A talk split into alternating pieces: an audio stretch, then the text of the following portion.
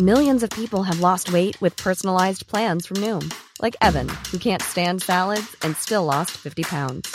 Salads, generally, for most people, are the easy button, right? For me, that wasn't an option. I never really was a salad guy. That's just not who I am. But Noom worked for me. Get your personalized plan today at Noom.com. Real Noom user compensated to provide their story. In four weeks, the typical Noom user can expect to lose one to two pounds per week. Individual results may vary. Say hello to a new era of mental health care. Cerebral is here to help you achieve your mental wellness goals with professional therapy and medication management support. 100% online. You'll experience the all new Cerebral Way, an innovative approach to mental wellness designed around you. You'll get a personalized treatment plan from a therapist, prescriber, or both in a safe and judgment free space. Your cerebral therapist or prescriber will outline a customized plan with clear milestones along the way so you can get to feeling your best. With Cerebral, you're not alone in your mental health journey. We're here to empower you to live a fulfilling life. So take that first step towards a brighter future and sign up today at cerebral.com slash podcast and use code ACasts to get 15% off your first month. Offer only valid on monthly plans. Other exclusions may apply. Offer ends July 31st, 2024. See site for details. Mayday alla fartyg nära Estonia. Det är Mariella som har uppfattat mycket ljus i sjön och, och det finns väl en möjlighet att, att, eh, det har, att där finns människor och att den skulle ha, ha sjunkit. Kriteriumsymfoni. Ja, Mayday, positionen, Mariellas position är 5923 och uh, latitud nord 5923 och longitud är 2142 ost. Så alla fartyg bör komma närmare sagt. Isabella kvitterar. Eh, Mayday, Silja Europa, Mariella. Mayday, Mariella Siljarum. Nu ser vi reflexer och här i vattnet lite framför oss. Jaha, okej. Ser ut som såna i alla fall. Den 28 september 1994 klockan 01.23 hörs det första mayday-anropet från Estlines passagerarfärja Estonia.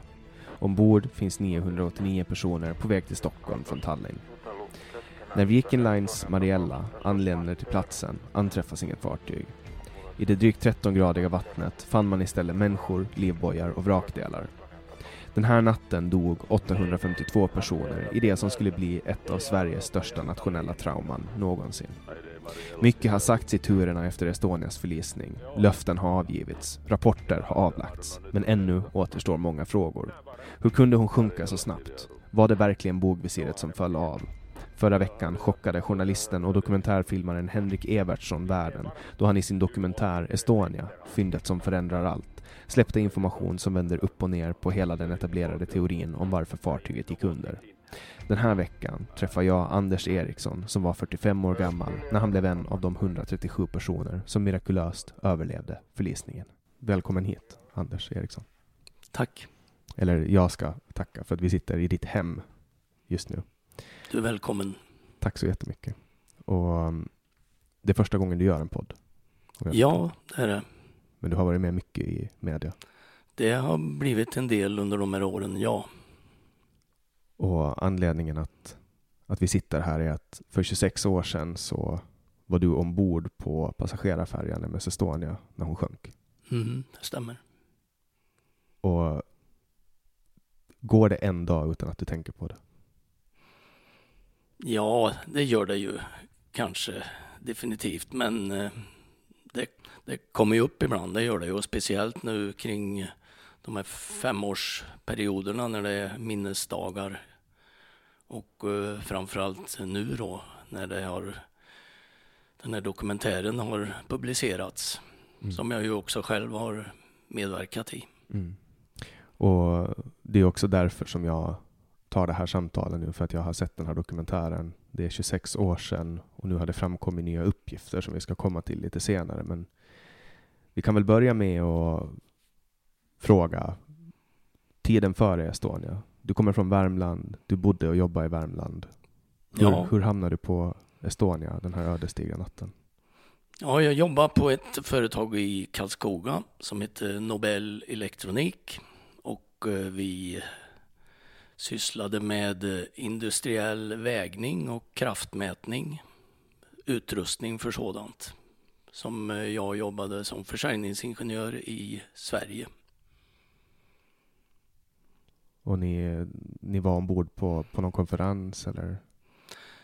Ja, det var eh, i grunden var det så att min kollega som heter Dan Olsson som eh,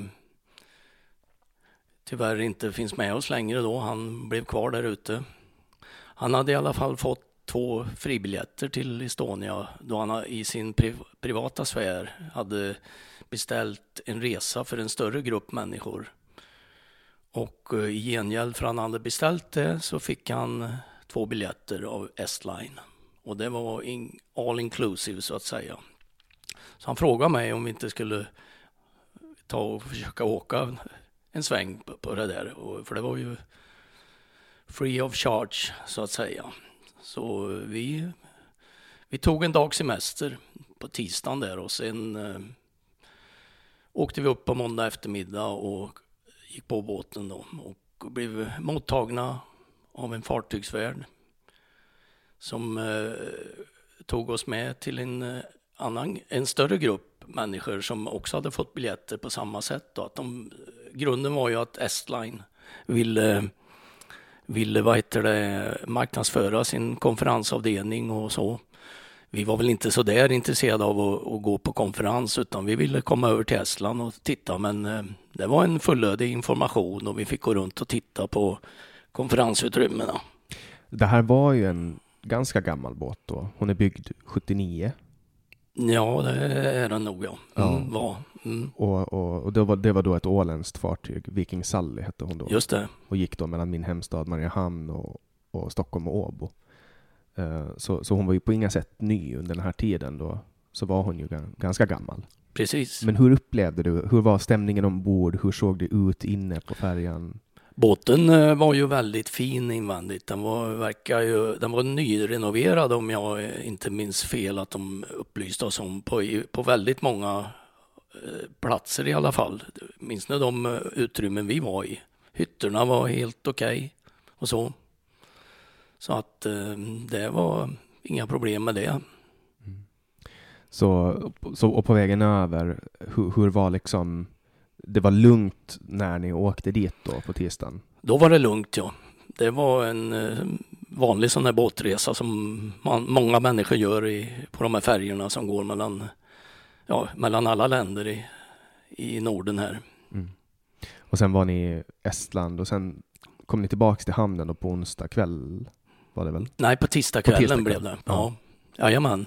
Vilken tid kom ni ner till hamnen? Ja, båten skulle gå över klockan sju då på kvällen och vi var väl nere kanske vid fem, halv sex kom vi ner där. Det hade varit fri, fritt där att gå runt och titta på Tallinn på eftermiddagen. Så, men det började blåsa, det märkte vi och det, när vi kom ner till hamnen då, då var det ju skapligt blåsigt alltså.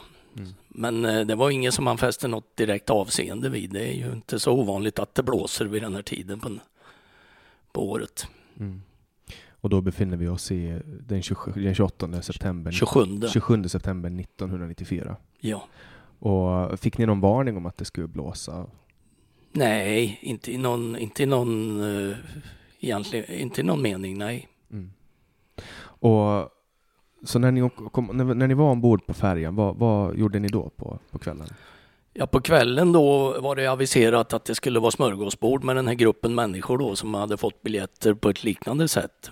Men Dan och jag hade gått till informationen och frågat om vi kunde få gå upp på bryggan och titta. Och det var fullt möjligt så de bad oss komma tillbaka halv åtta. Och då hade det här smörgåsbordet redan börjat så vi, vi sa att vi kommer lite senare, vi ska gå upp och kolla det här. Men då låg båten fortfarande kvar inne i hamnen? Nej, då hade den gått ut. Men en halvtimme försenad? Ja, någon, den hade i alla fall gått ut då som mm. sagt och vi var ju där, eh, vi var nog där och, och frågade in när den låg i hamn så att säga på mm. informationsdisken då. Men de, de var tvungna att lägga ut först och, och, och komma på drift så att säga innan man fick gå upp. Mm. Och, då, och då fick ni komma upp då till? Halv åtta och, sa de att vi skulle komma till informationen och då kom det en, en person då, en, eh, i besättningen som tog oss upp till bryggan där vi fick titta och, på hur det såg ut där uppe och prata lite med dem som jobbade där. Och eh, de eh, förkunnade att det blåste. Då hade vi ju kommit ut lite på, på i Finska viken utanför hamnen i, i Tallinn då. Och då hade de börjat lägga kurs emot mot Stockholm så att säga, första benet ut där. 242 grader tror jag det var. Mm. Men de eh, var lugna och sansade där uppe. De berättade information om en del tekniska saker och eh, att de hade dubbel bemanning vill jag bestämt minnas att eh, de berättade då för att det skulle blåsa. Det var inget, var inget uttal om det, utan så var det. Var det bara ester där på bryggan eller var det? Ja, det var det. det så uppfattar jag det. Pratar ni engelska då? Ja. Kommer du ihåg någon av, av personerna uppe på bryggan?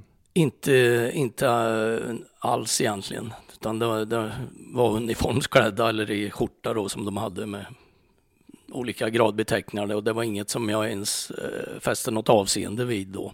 Mm.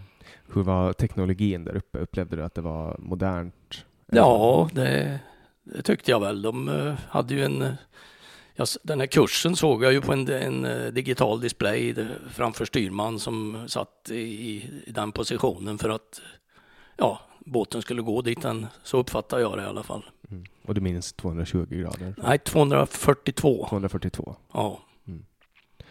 Och eh, sen efter ni hade varit på bryggan, vad, gjorde ni några iakttagelser där uppe? Någonting som... Inte något annat eh, speciellt, utan det var en, en bra visning och och få se hur det ser ut uppe på en sån här kommandobrygga. Mm. Och vad, vad tog ni er för sen? Ja, sen gick vi tillbaka ner då och anslöt till den här gruppen och skulle ta mat då. De hade redan eh, tagit en omgång på smörgåsbordet när vi kom ner så att eh, vi urskuldade oss väl lite då att vi hade varit uppe på bryggan och, och så. Och det var lite tryckt stämning för då stampade det på ordentligt där ute på, på, på sjön så att säga. Var kom vinden ifrån då? Ja, den gick rakt mot kan, kan jag säga. Ni mötte vinden alltså? Ja, mm. rakt mot. Så det, det, det, det krängde inte utan det slog. Så då det, var det västlig vind då? Ja, inte ren västlig tror jag inte, men den gick ju som sagt 242 grader och mm. gick nog rätt så klart mot vinden. Mm. Uh, hoppa båten av att Ja, den slog rejält varje, på våg, när den slog i de vågor ibland den möter då. Så det var att fören liksom åkte upp och ner? Ja, precis. precis. Var, var folk sjösjuka då? Ja, det var de säkert en del började på att bli, för det, det, det slog rejält i matsalen där, där vi satt. Och det, jag minns ju speciellt då, det var fyra kvinnor med från Astra i Södertälje som eh, de hade tagit en omgång mat men de var inte speciellt eh, att de ville äta något mer utan de var oroliga helt enkelt. Och Dan och jag var väl, vi sa det är ingen fara det här liksom. Det, det blåser ju normalt och de har dubbel bemanning och skeppet är ju, eller båten är ju relativt nyrenoverad och så. Så att det var ingen som man var orolig för på något sätt. Men eh, de var det rejält oroliga och en av kvinnorna säger då, ja men tänk på hur det gick för Jan Hevelius, sa, sa hon då. Och det, ja det var ju, ja men eh, det var ingen som man kunde bemöta eller någonting mm. sådär. Men, men Jan Hevelius, det var då ett skepp som hade förlist en, ja, ett år innan? den förliste på Östersjön eh, ett år innan, ja. Precis. Och, och hon sjönk då Ja, den också. hade ju eh, fått förskjutning i lasten, alltså bilar och sånt som hade eh, kommit på drift och eh, gjorde att båten fick slagsida kraftig då. Och sen vart det så mycket så den slog helt enkelt runt. Mm. Och, och la sig med kölen upp och den låg och flöt en vecka där och det gick ju tydligen väldigt fort där. Mm. Men som sagt, det var, vi fäste ju inget avseende egentligen vid det, mer än att jag, jag hade det ju med mig senare sen lite grann i, min, i mitt huvud så att säga.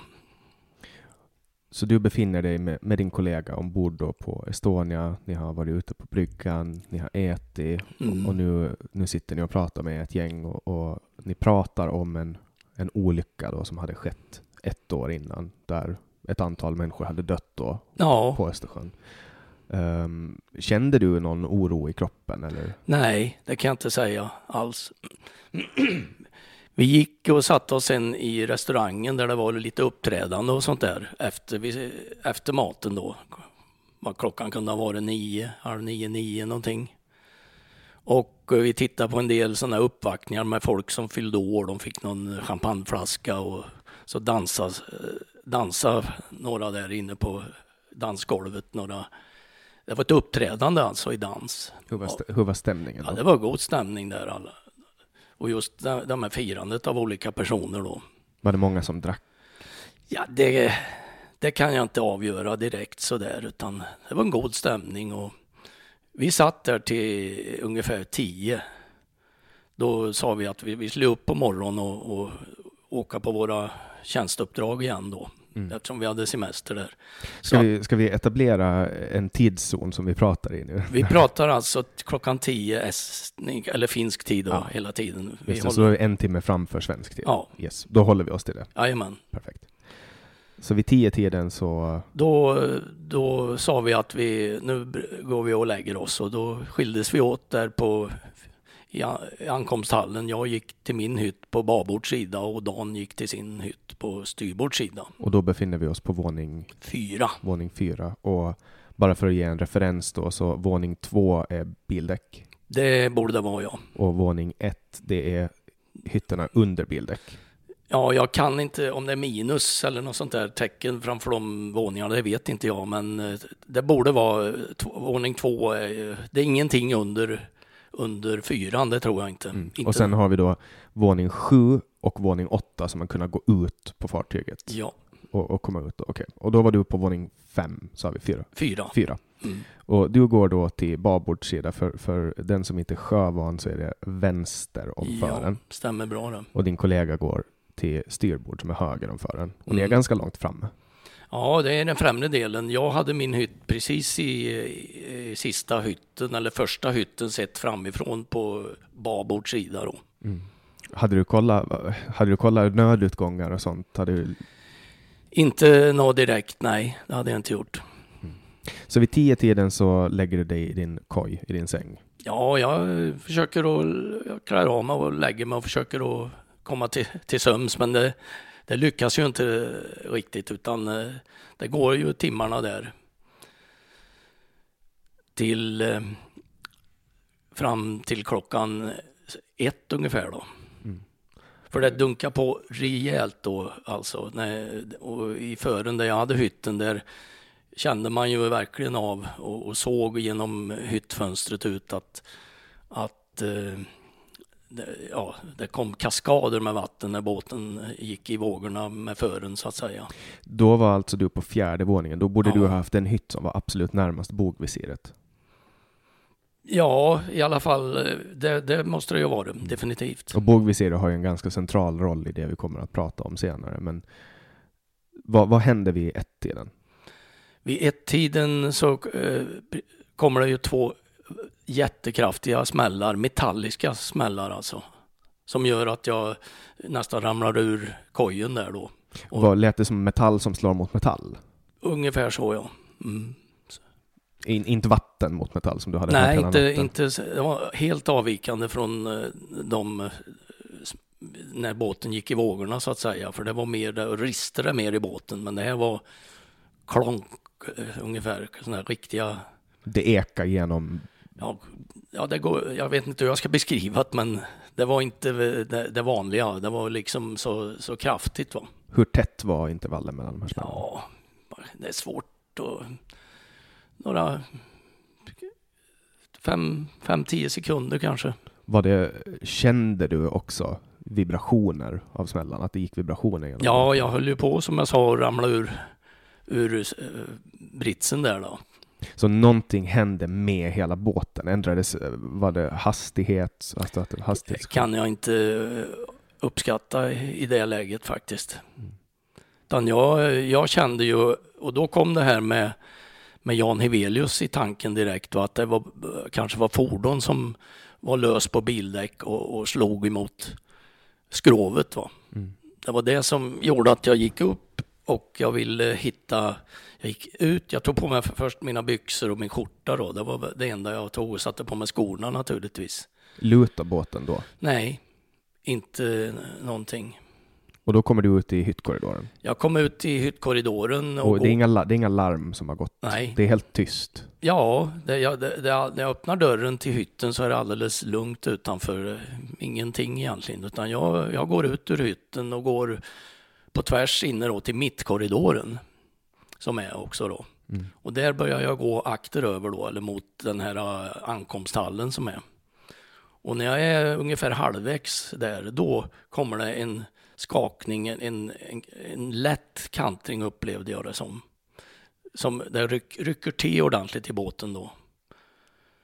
Och eh, jag stannar upp och håller mig i ledstången som är inne i korridoren där en liten stund. Och nu Det- lutar båten alltså? Nej, jag hade inte börjat något eh, riktigt än, utan jag kommer fram i den här ankomsthallen. Det är fortfarande ganska lugnt.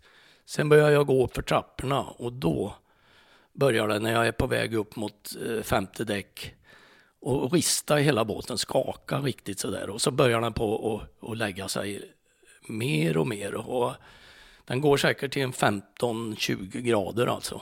Och där jag fick ta tag i trappräcket för att kunna hålla mig upprätt så att säga. Och, men det, den stannar ju liksom någonstans där 15-20 grader. Och, Och då ska vi bara för att ge lyssnaren en referens, då är det noll grader när båten står helt plan. ja, Och om den står helt på sida, eh, ja, då är det 90. Då är det 90. Så då får man tänka sig att mellan eh, noll, då är den helt plan och sen då vid 45, då ligger den snett mellan Ja, precis. plan och liggande. Men så mycket var det ju inte då. Nej, men bara för att ge en ja, referens till, till Jajamän, Så då ligger ni på 15 grader, du är i trappan och du, någonstans där ja. och du måste hålla i dig i räckena. Ja, Ser du andra människor då? ja det, jag, jag kan inte säga att jag såg människor just exakt där jag var i den positionen, men jag stannade ju upp och höll i mig och insåg att eh, jag undrar först, är det jag som är, står här och det, det här händer ungefär? Såna, det är inte sant alltså, men det var ju sant. Du förstod att nu jag nu förstod går att, att lutningen som den blev då, det, det var något som, det här går inte att, att komma tillbaka ifrån. Att det eh, rullar på en båt, det har man ju varit med om, men att få en sån där lutning, det.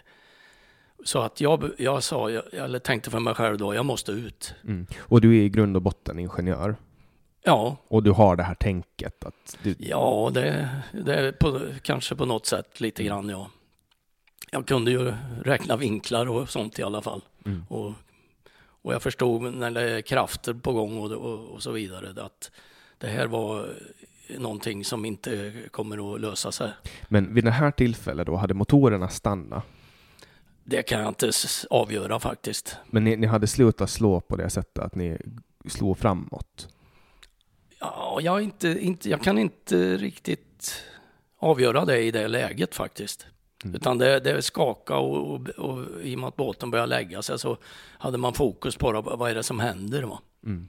Och då tog du dig från våning fem?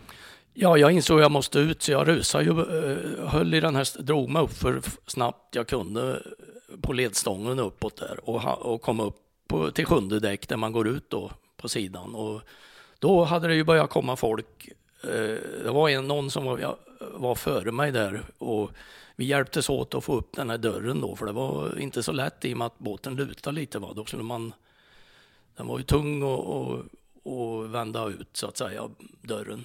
Mm. Och då kommer ni försöker ta er ut då på babordssida, på vänstra sidan av av Ja, båten. det var liksom dit man ville. Det var, Så när du kommer ut då på, på våning sju, hur, hur är vädret då? Det måste ha blåst Ja. enormt mycket. då börjar man ju, då blåste det ju naturligtvis väldigt. Och, men det var liksom inget heller som man eh, satte tanken på direkt, utan det var ju liksom att, att försöka hitta lö, kortsiktiga lösningar på något sätt. Jag, jag eh, tog mig ju fram till ett skåp där som det fanns livvästar i och började slänga det mot, för då, då började det ju på att komma mycket människor ut ur, ur dörren där och den här personen som var, hjälpte mig att få upp dörren. Han, han låg och drog ut folk där. Förstår du att du ska hamna i vattnet då? Ja, ja, jag vet inte hur jag tänkte egentligen, men att det var ett, ett väldigt dåligt läge naturligtvis. Men eh, efterhand så insåg man ju att det här kommer gå åt pipan alltså, för den, bör, då bör, den börjar ju på att lägga sig mer och mer. Som sagt, och jag kände mig trängd när jag var där, så jag, jag drog mig för över och hamnade någonstans under, kom, bakom kommandobryggan rakt ner. Och där fanns det ett stativ där de, har, där de här livflottarna finns som blåses upp då när de kommer i vatten. Och det, det var ju folk som klättrade där uppe på dem och försökte få loss dem. Och vi, jag vet jag stod där och, och tittade på någon skylt hur man skulle lossa någon vev där och, och försöka frigöra dem där. Men eh, det var inget som vi lyckades med. Men båten la, började ju lägga sig mer och mer. Och... Har du något koncept? Hade du ett armbandsur på dig då? Ja, det hade jag, men den tittade jag inte på. Den eh, ramlade ju av sen senare i vattnet då. Vet du ungefär vad klockan var när? Ja, när smällarna kom var ju klockan eh, lite strax efter ett då, finsk tid. Och när, när ni befinner er uppe här då på och försöker hålla på med de här livbojarna? Ja, det, det, det, ute på däck där eh, har jag den känslan att det gick ju en en tid, en tid där, kanske 20 minuter eller som det här pågick då, själva att den började på att lägga sig. Var det panik hela tiden? Eller var du rationell? Ja, för min egen del var jag nog ganska rationell. Jag kände mig hela tiden att jag ville ha utrymme. Och när, när båten börjar närma sig 90 grader då, när då ligger den helt på sidan alltså. Då står man på väggen av åttonde våningen då, som är hytterna som besättningen har tror jag. Men jag stod på väggen där helt enkelt mellan eh, kommandobryggan och eh, skorstenen som låg ner då i vattnet Fanns till, till hälften. Fanns ja, jag, jag, kan inte säga om det var ljus just då, men det, det var ljust väldigt länge. Och, och jämt före där, eller någonstans där, så hade det kommit en signal, en, en dov signal som som eh, om, ja, det var väl någon signal att man ska lämna fartyget. Det kom en, far, en fartygstuta, mist, ja, mistlur. Ungefär så ja. ja. Och du står här på sidan av ett fartyg som, som står i, på sidan ja, i vatten. Ja, det, ja. Och du står på hyttfönster. Ja, ungefär så. Se, ser, du, ser du ner i hytterna? Nej, nej, nej. Jag såg bara vattnet komma närmre och närmre då, för då började den ju på att gå mer än 90 grader ner. Mm. Och det, det, var liksom bara, vad ska jag göra? Jag, fann, jag såg ju att det fanns ingen utväg till slut annat än att hoppa i vattnet. Mm. Och bara en halvtimme, 40 minuter före hade du legat i hytten och nu står du på utsidan av hyttväggen. Ja, just det. Ser du, vad, vad ser du människor runt dig? Vad gör människor?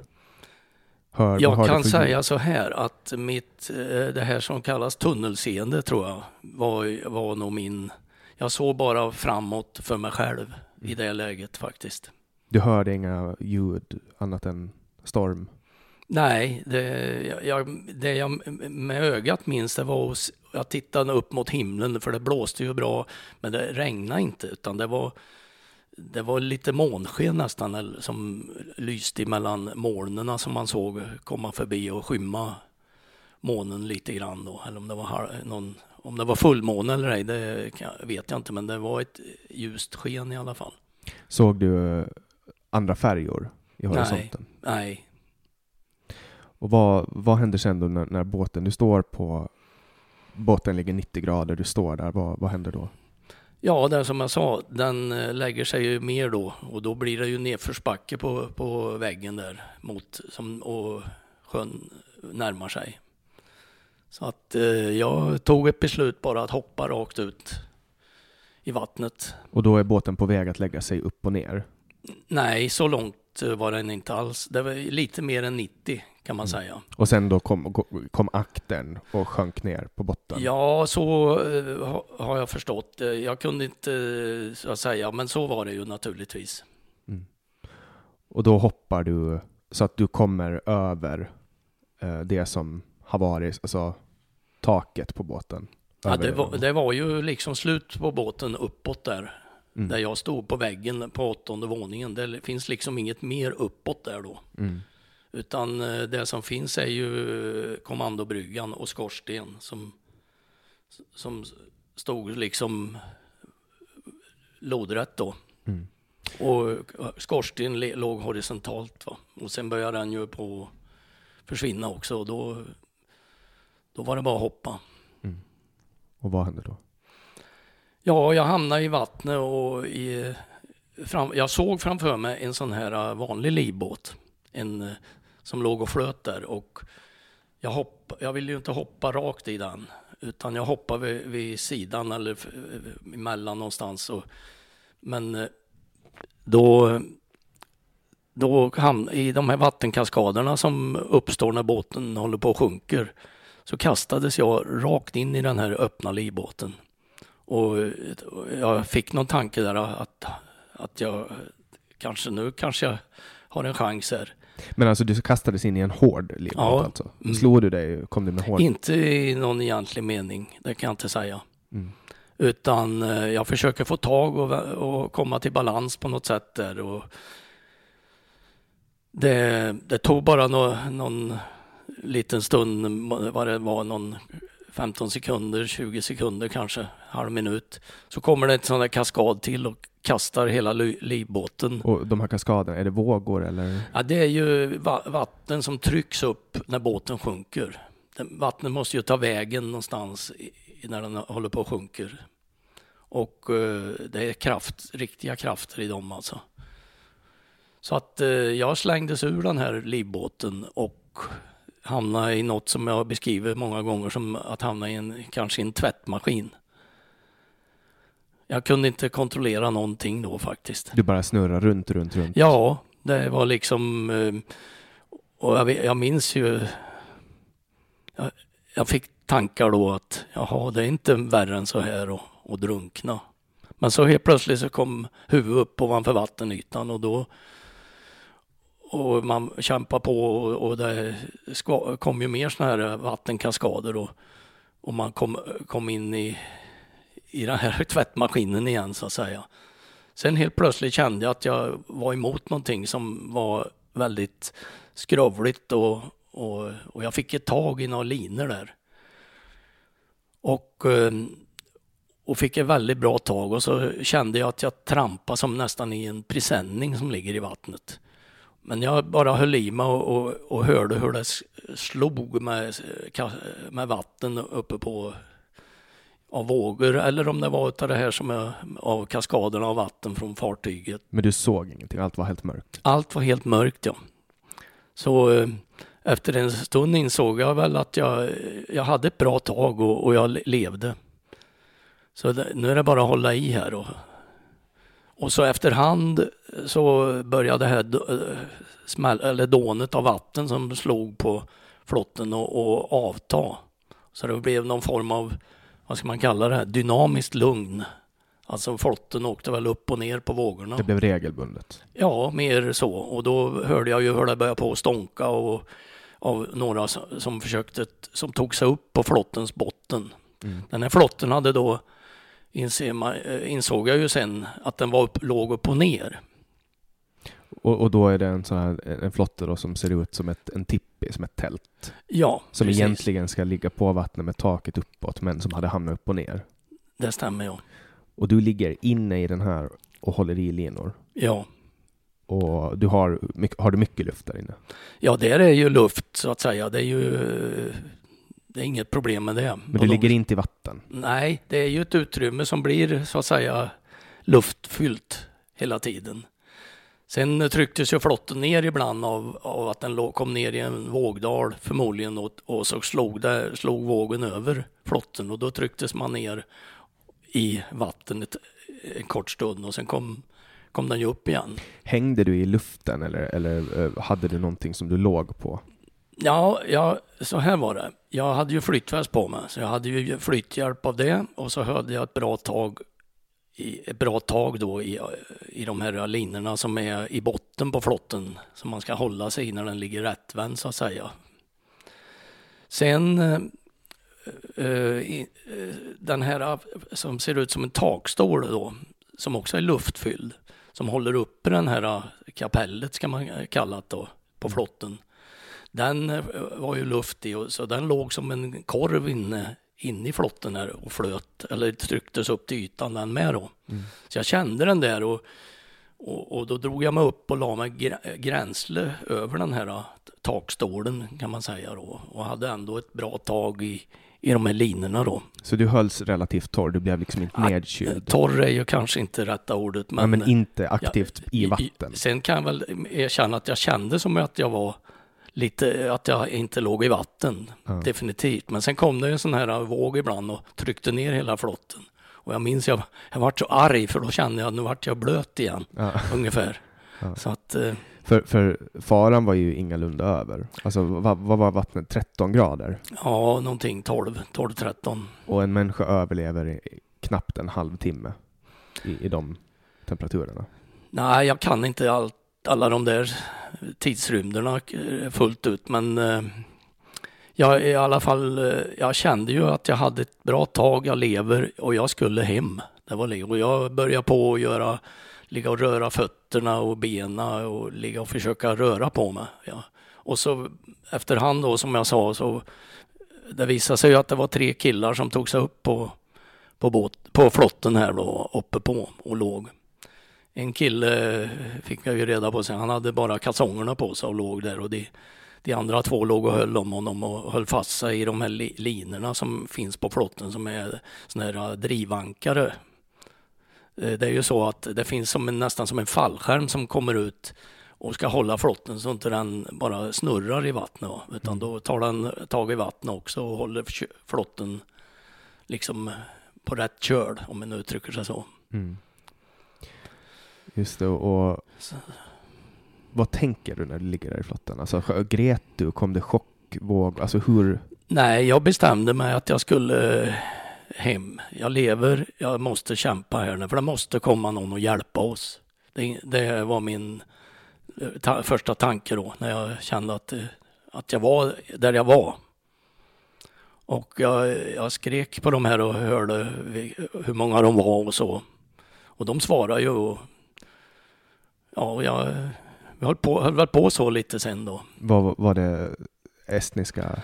Ja, de var från Estland allihopa. Så ni pratade engelska med varandra? Ja, ja faktiskt en av killarna kunde svenska. En av dem. Men han talade ju om eh, att de, de var där och, och sov i.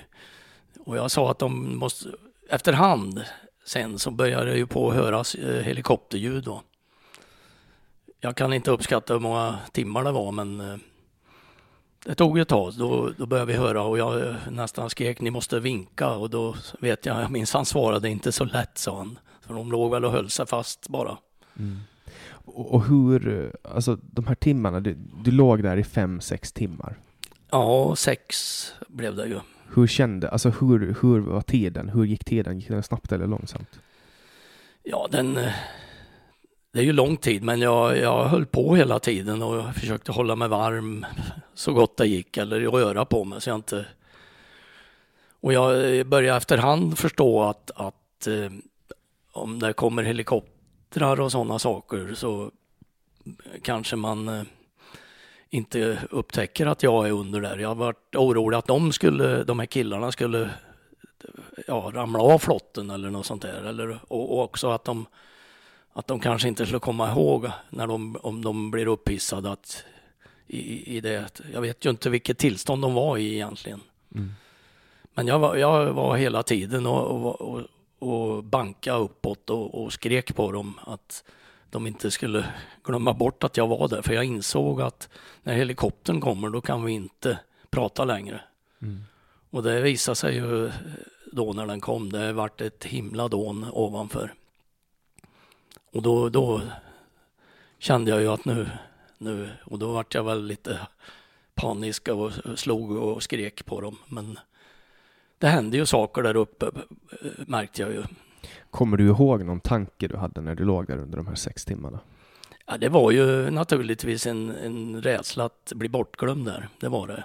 Den, den fanns, men jag var ändå så aktiv att skrika på dem så att mm, de hade ju inte glömt att jag var där under i alla fall. Trodde du att du skulle dö någon gång? Under hela förloppet? Inte då, eh, när jag hade väl eh, eh, kom under flotten. Det var mera, som jag berättade förut, en, en kort sekvens när jag kastades ur den här livbåten. Mm. Då kom det någon, jaha, är det inte värre än så här att drunkna eller? Mm. Men som sagt, då kom huvudet ovanför vattnet igen och då fick man fart. Och sen då, du ligger i, i, i livbåten. Hur kommer du ut därifrån? Ja, det dånar ju och eh, det hände ju saker ovanpå där och eh, rätt som det var kände jag att det var någon som dunkade ovanpå där. Och då, då var det ju ytbärgaren som försökte lokalisera var jag låg någonstans. Så han, eh, och jag dunkade väl tillbaka och sen tog det nå- några sekunder till så såg jag att det blev ljust en bit ifrån där och då hade han skurit hål i botten på flotten där och jag, jag vet jag låg där och bara väntade nästan att han skulle komma in och hämta mig men han skar lite till då så stack han ju ner huvudet och sa att det är grönt sa han, du kan komma, komma hit. Och då drog jag mig till honom och först jag fick var en, en jättekram där ute. Och, hur, hur, Ja det, det glömmer jag aldrig. Det var, och det, kommer, det kommer en ung blond kille, 20 år gammal. Skär, ja, upp, skär upp hålet, ger dig en kram, lägger en sele runt dig. ja. liksom. Sen åkte vi upp. Och vad ser du när du är i luften? Ja, det, jag såg ingenting då kan jag säga. Det var bara en känsla av, vad ska man säga, tillfredsställelse att man nu är det nära man får komma in i värmen. Såg du, eh, om det var flera saker runt dig, såg du färjor? Vad, vad såg du när du... Jag såg ingenting då kan jag säga. Eh, Utan det var bara fokus på att hålla sig fast i selen och, och ja, hålla om honom. Han var ju med och höll i också i samma vinsch där. Och så kom du in i helikoptern Ja, tillsammans med de här estniska killarna. Ja, Vad, men- vad var det för folk inne i helikoptern? Ja, det var ju man, navigatören minns jag satt precis bakom de två piloterna då. Och jag fick sticka in fötterna på något sätt eh, ganska nära honom. Så honom låg jag och pratade med lite. Jag ställde ju frågor och hur det vart, om vad de visste om fartyget och framförallt om de hade någon information om min, min kollega då. Mm. Man kunde ju inte förstå då hur, hur, hur många som hade omkommit då. Inte jag i alla fall och det fanns ju ingen information om det heller för dem att få. Så, såg du ut genom fönstren? Nej, jag låg på golvet jag med en filt över mig. Och du var den sista de tog förrän ni åkte iväg? Nej, de, de ja utav, den, utav flotten där, men sen räddade de två personer till Från vattnet eller från? från en annan flotte då. Som de också hade fått ögonen på då. Mm. Så att vi var sex stycken som de lyfte upp på ett svep. Sen var de tvungna att flyga in oss till finska Utö. Och eh, där de släppte av oss då, där, där stod ju värnpliktiga och militär personal och tog emot oss. Och vi hamnade ju på ett logement där och fick lite, ta av oss kläder och, och få några träningsoveraller som de hade tagit fram åt oss. Så att, eh, ja. Vad är klockan då ungefär? Ja, det tog väl inte så lång tid att flyga in till ute, men kanske om klockan var om vi nu pratar estnisk tid igen, jag är lite inne, mycket inne ibland i tankarna på att det är svensk tid då. För det, det så har jag ju sett på de här bilderna som finns att klockan var sex Mm. som filmas och det är ju svensk tid då. Mm. Men sju då. Mm. Kanske hon var halv åtta, kvart över sju, halv åtta när vi släpptes av där. Var de beredda på att ta emot er? Ja, jamen, det var de. Det var fler helikoptrar som hade varit där före och släppt av folk. Det var ju, de flög ju in dem dit och även till fartygen och släppte av många. Och, och vad hände där på Utö? Hur länge var ni där? Ja, det var inte så länge, men vi fick eh, ligga och vila lite och få, fick torra kläder. Vi fick upp i en restaurang där och, och, få lite frukost, eller något att äta i alla fall, det minns jag. Man satt och tittade ut över havet. Det var helt sanslöst. Jag fick ringa hem. Och du hade fru då? Ja. Och barn? Ja. Och du, de visste om att Estonia hade gått under? Ja, det, det visste de. Och det var väl, ehm, det var min dotter då som eh, ringde hem till min fru då och frågade var är pappa hemma? För då hade hon frågat, för hon skulle åka till jobbet och då hade hon hört på nyheterna att färjan hade gått under. Och då hade, sa min fru att nej, han är ju på, i Estland och är, och är väl på den här Estonia tror jag han heter. Ja, den har gått under sa hon. Den är, så att då vart det ju lite kaotiskt. Så de tror en stund och någon timme att du är död? Ja, in, någonting sånt. In, no, inte kanske så länge, men eh, jag kom... Eh, för det, klockan var ju, hon hade gått upp vid halv, halv sex tror jag. Svensk tid igen nu då. Det är svårt mm. det här. Och, och då var, låg du fortfarande i flotten? Ja, det gjorde jag. Mm. Och när, när ringde du hem?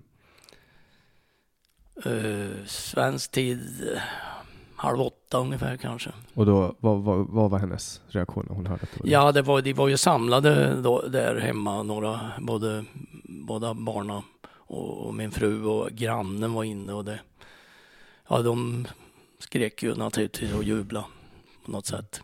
Och de hade förberett sig för, för det värsta eller? Ja, det hade de väl kanske, men eh, Åsa hade väl sagt, är det någon som ska klara sig så är det pappa, sa hon. Mm. Hur kändes det att höra din frus röst? Ja, det var ju fantastiskt att höra allihopa där. Och, att, och de vart ju jätteglada naturligtvis. Mm. Och sen då, vart, vart åkte ni till Sverige sen då från Hus, Husa? Finns det? Nej, Uta heter det. Nej, vi, det kom en annan helikopter och flög oss till Åbo. Där vi togs emot på sjukhuset då. Mm. Och där var det ju riktigt kaotiskt då. Då hade ju media börjat på och och fått klart för sig att det var eh, ja, att det hade hänt och så.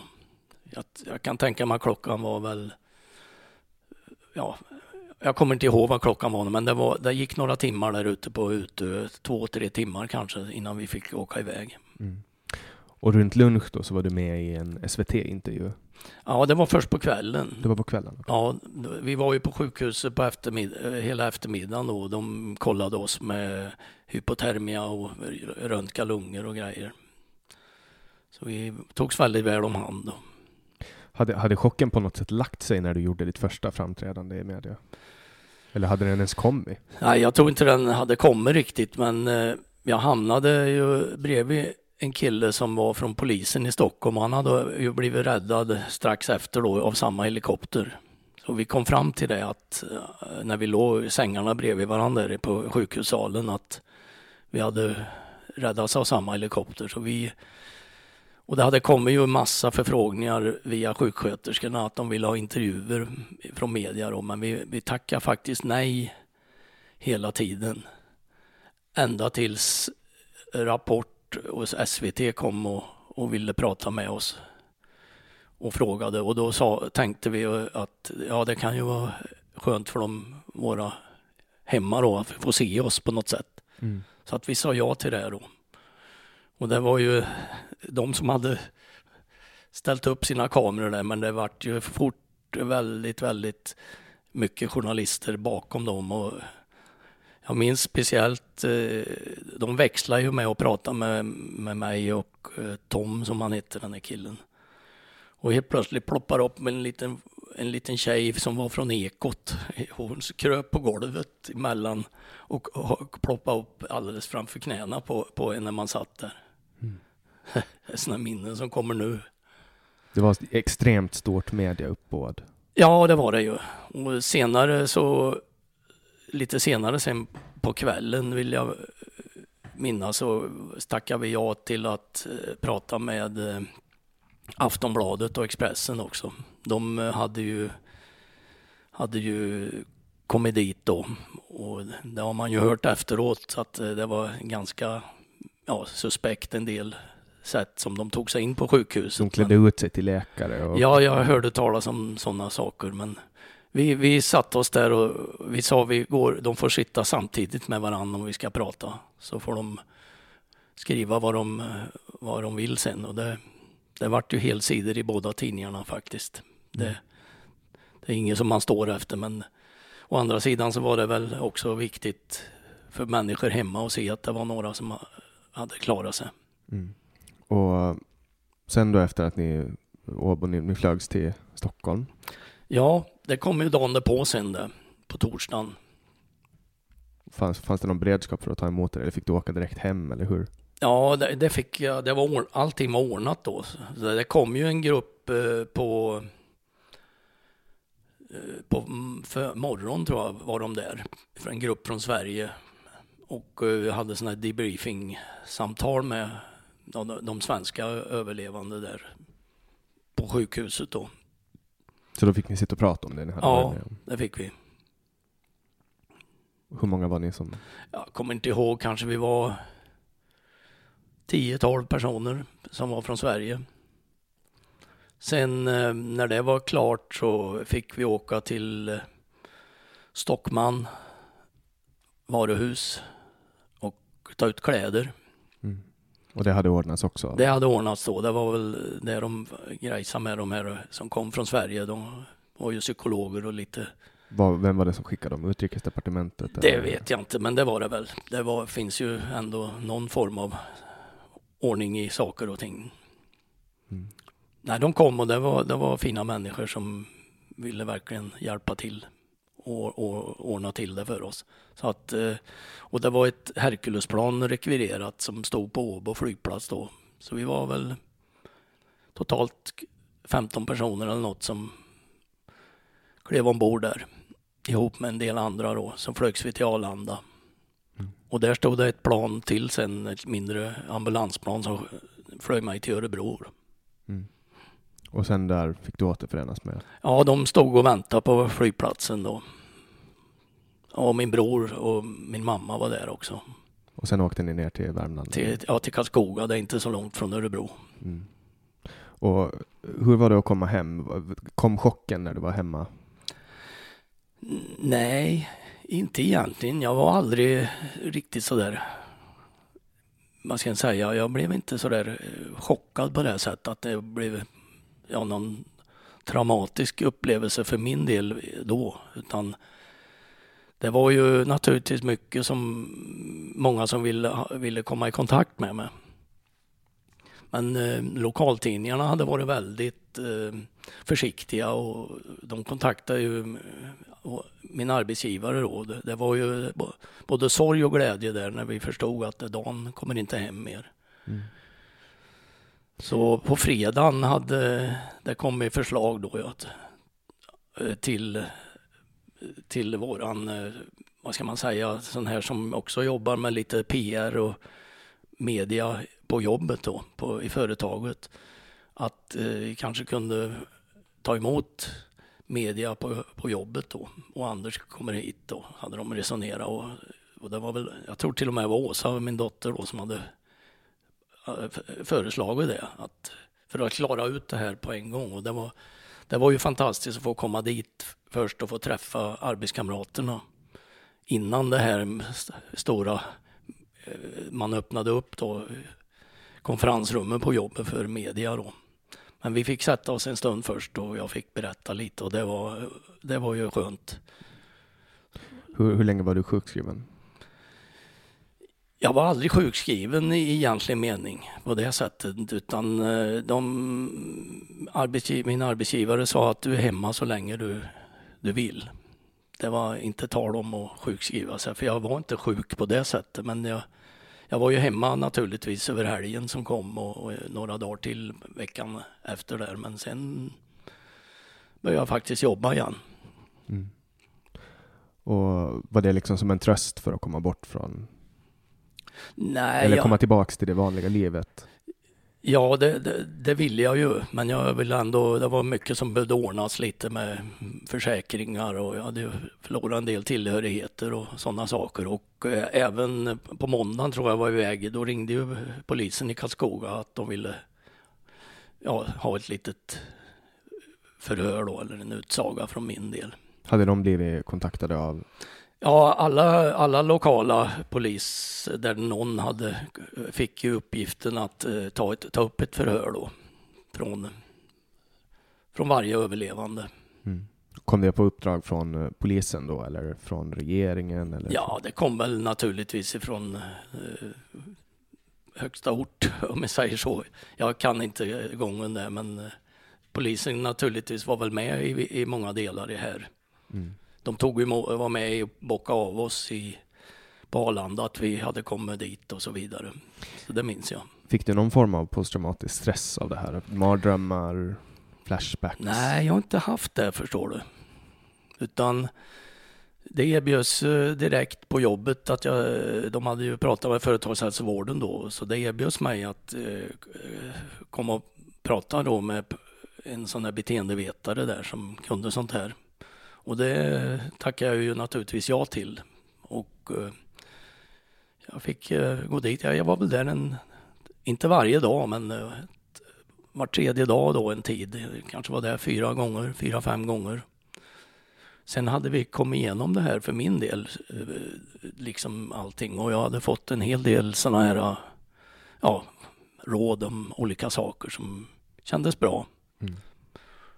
Och hur, hur gick det med försäkring och sånt? Och fick ni skadestånd från? Ja, det kom ju lite senare sen det. Det, det dröjde ju fram till ja, en bit in i 1995. På våren någon gång vart det klart då. Var det stora bidrag som ni fick då? Ja, stort och stort. Jag tror vi, vi fick 20 000 kronor eller något sånt där, vi som överlevde. Men sen var det lite olika konstruktion på det där. Sådana anhöriga som hade mist familjeförsörjare och sådana saker och mist barn och, och leder. Så det var det betydliga belopp naturligtvis, men det, det går inte att ersätta livet. Nej, absolut inte. Men jag tänker att man, man får en gratis resa på, på ett fartyg och sen går fartyg under, då det, det, det är ju liksom, det är en sån absurd, bizarr situation. Det går inte ens att tänka sig liksom. Nej. Och jag antar ju att, att rederiet ganska snabbt gick i konkurs. Ja, det vet jag inte hur det blev med det. Men eh, det är ju deras eh, försäkringsbolag som heter Skuld tror jag. Som eh, fick i uppdrag att lösa det här och det gjorde de väl ganska bra. Mm. Känner jag. Det förhållandevis ganska snabbt gick det väl ändå. Det var ju ändå så många människor som drabbades. Mm. Och sen då kommer ju den här perioden. Nu har vi, nu har vi pratat ungefär en timme om, om vad som hände. Och nu kommer ju den här perioden där regeringen går ganska snabbt ut och det var ju ett regeringsskifte. Det var mellan en moderat regering och en socialdemokratisk regering. Den första ledd av Carl Bildt och den mm. andra då tillträdande Ingvar Carlsson. Och han går ganska snabbt ut och säger att nu ska vi bärga fartyget. Nu ska ja, vi ta upp alla kroppar. Precis. Hur kändes det för dig? Som, för du hade ju, du, jag antar att ni var goda vänner du och Dan? Ja, det var vi ju definitivt. Ja, det var ju liksom det, det mest, det är ju så man gör mm. när det händer en, en sån här händelse. Att eh, man tar eh, rätt på det som finns och utreder det. Ha, hade du någon kontakt med Dans familj? Ja, vi träffade hans sambo lite efter också. Och hon ville ha, hon, hon, för hennes del och så, ville hon att? Ja, hon ville ju naturligtvis veta vad som hade hänt och uh, ville ju naturligtvis ha hem honom också. Mm. Sen kan inte jag hela, hela uh, hur de hade det sen så mycket faktiskt. Men ur ditt, ur ditt perspektiv, du ville veta vad som hade hänt med båten? Ja, det är klart. Det är ju det mest naturliga som finns om det händer något. Så vill man ju veta vad som har hänt och det, det brukar ju oftast gå att få, få reda på också. Mm. Så vill du ta eh, mig och lyssnarna på en resa i hela den här härvan som uppdagar sig då efter att man Ingvar Carlsson går ut och lovar att det här ska bärgas. Man tillsätter en minister, vad hette hon som hade hand om det då? Hon hette Ines Husman Så var det. som och, fick ansvaret för frågan. mm. och, och du som ehm, överlevande och, och, och delvis också anhörig, blev du direkt engagerad i? Inte så mycket i, i den frågan då faktiskt. Vi kom ju lite vid sidan om alla som överlevde faktiskt. Men eh, man noterar ju att det vart väldigt tyst direkt sen efter Ingvar Carlsson hade uttryckt det här. Och, och egentligen än idag så vet vi inte riktigt vad som hände då. Fram till december när hur, hur man kunde ändra allt det här av- i allting. Jag vet ju att det, det här med etiska råd och allting, det vet jag ju att det, så det följde man ju. Så regeringen tillsatte ganska snabbt ett etiskt råd Ja, med präster och ja moral. det var ju sådana som var läkare, psyk, psykologer säkert och präster och eh, några tidningsfolk. Jag vet några som var med. Det var ju Caroline Krook, ärkebiskop var hon väl då. Peter Paul Heinemann, läkare från Örebro. Uh, Yrsa Stenius var med bland annat. Så, som journalist eller vad, vad man ska... Ja, det var ett antal människor som man hade valt ut att sitta i det där som har ett, ett gott anseende i, i Sveriges samhälle, det vill jag påstå.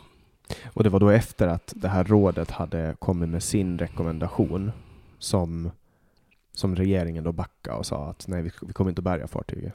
Ja, det var de som fick så att säga avgöra det här. Va? Vad tänkte du då? Vad kände du då?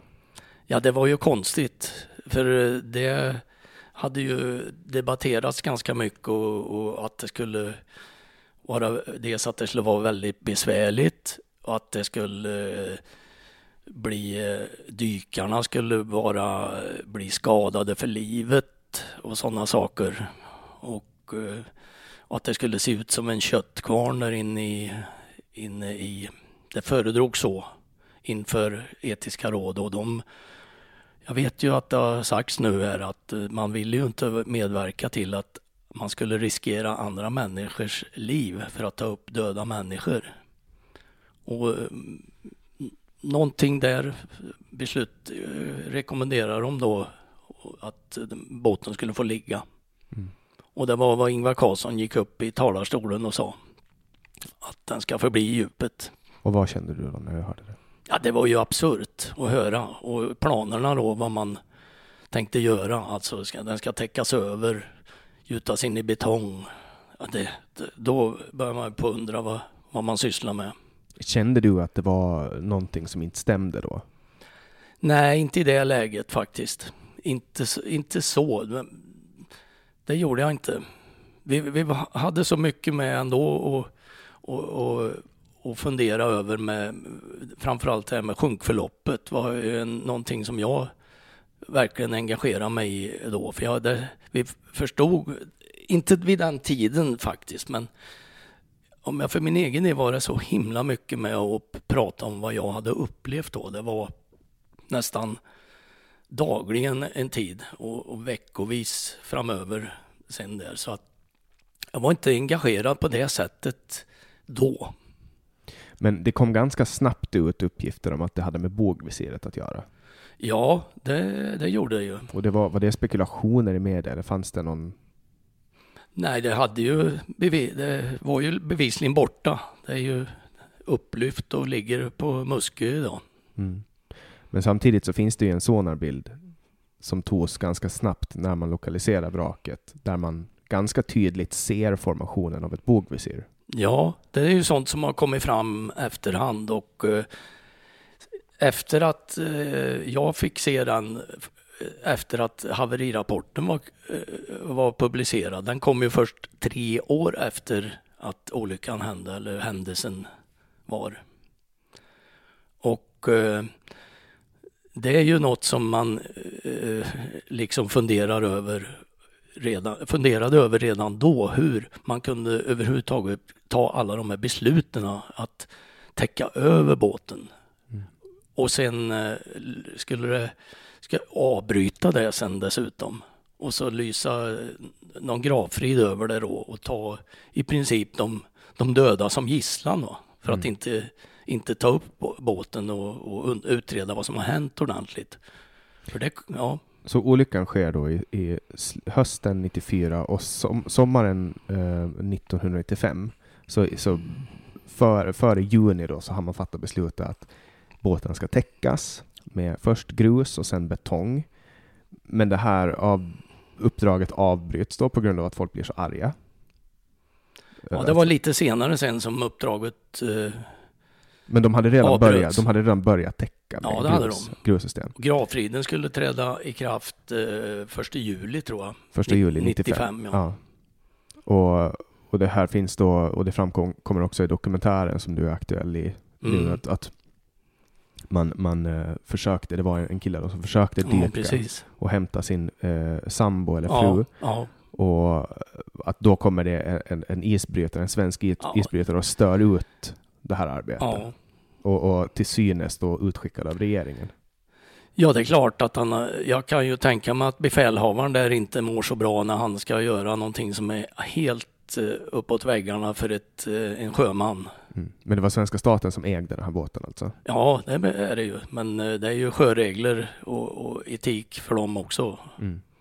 Det kan man ju se i dokumentären också här hur finska kustbevakningens fartyg flyttar sig. Ja. Är sjömannaskap det. Ja, där, där finns det. Jag är ju lite nationalistisk på den punkten, men, men de flyttar ju sig en kilometer. Eller Ja, var det en sjö? En halv sjömil. Ja. Eh, när, när de berättar att nu kommer vi att göra dykningar här. Mm. Medan svenska staten då, 25 år innan, skickade ut en isbrytare som, som utsatt de här dykarna för livsfara. Jajamän. Man Ja, körde de, när, de gick ju aldrig ner.